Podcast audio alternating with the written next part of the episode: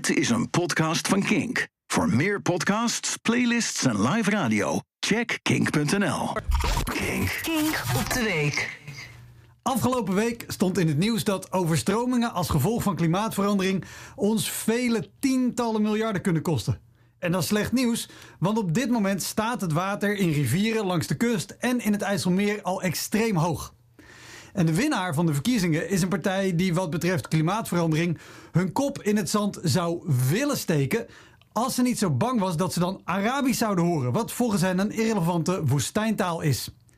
Over de verkiezingen gesproken, felicitaties zijn op hun plaats, want de winst is indrukwekkend. Dus gefeliciteerd Mark Rutte en Dylan Jezelgus. Goed gedaan. Mark liet het kabinet vallen zodat migratie het thema van de verkiezingen zou worden. En Dylan zette vervolgens de deur wagenwijd open voor de PVV. Lekker gewerkt. En uiteraard ook felicitaties voor alle PVV-stemmers. Jullie partij is de grootste geworden. Hoed, hoed, hoed. De uitdrukking is eigenlijk chapeau, chapeau, chapeau. Maar dat is Frans en jullie houden niet van buitenlandse dingen. En de Telegraaf en Voetbal Insight hebben jullie vanaf dag 1 bang gemaakt voor de naam Frans. Overigens heb ik niks tegen PVV-stemmers persoonlijk. Hè. Mijn buurman bijvoorbeeld, dat is een PVV-stemmer. En dat is een goede gast. Ik vind alleen het gedachtegoed van de PVV een verwerpelijke, achterlijke ideologie van haat. Ik benoem het alleen, dat mag, toch? Ik begrijp dat je PVV hebt gestemd. Je wilde iets anders. Nieuwe politiek. Daarom stemde je op een politicus die dit jaar 25 jaar in de Tweede Kamer zit. Het langste van iedereen. 25 jaar met een salaris van 120.000 euro per jaar. Dat is 3 miljoen euro binnenharken door onderdeel te zijn van een nep parlement. En daarbovenop nog dubieuze betalingen van schimmige partijen uit het buitenland. Dat is beter verdienen dan wachtgeld. Maar je wilde iemand die beter luistert naar de mensen. Daarom koos je voor een partij zonder leden. Waarvan de leider alles in zijn eentje beslist, zonder naar anderen te hoeven luisteren. En je wilde iemand die zijn beloftes nakomt. In plaats van een politicus die mooie praatjes heeft tijdens de campagne, maar waar alles de deur uit gaat zodra die macht ruikt. Zoals nou die politicus die in, in 2010 heel stellig tegen de verhoging van de AOW-leeftijd was. Dat was een absoluut breekpunt.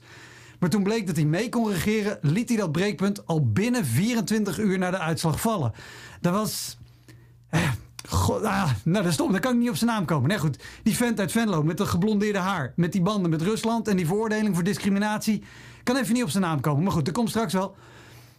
Al sinds de oprichting in 2006 is er de wens dat de PVV eens mag regeren. Nou, dit is hun kans. Het is zelfs Geert Wilders zijn tweede kans. Want in 2010 kon hij ook al mee... Ja, dat was hem! Geert Wilders. Dat was die gast die in 2010 zijn heilige breekpunt al na één dag het raam uitflikkerde. Dat was het. Nou schiet hem ineens te binnen. Maar goed, hij heeft eerlijk gewonnen en hij mag nu proberen een kabinet te vormen en de problemen die zijn ontstaan na decennia van rechtsbeleid op te lossen met nog rechtser beleid.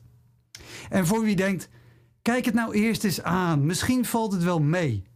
Raad ik toch even aan de geschiedenis te checken.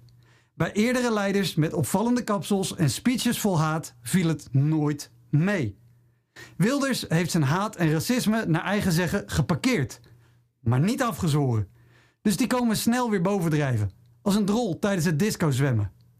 En dat er dan hoog water komt om de drek weg te spoelen, dat is geen dreiging, maar een troost. Bedankt voor het luisteren naar deze Kink-podcast. Voor meer podcasts zoals Kink Fast, De Kleedkamer van Joy of More Than a Feeling, check de Kink-app of kink.nl.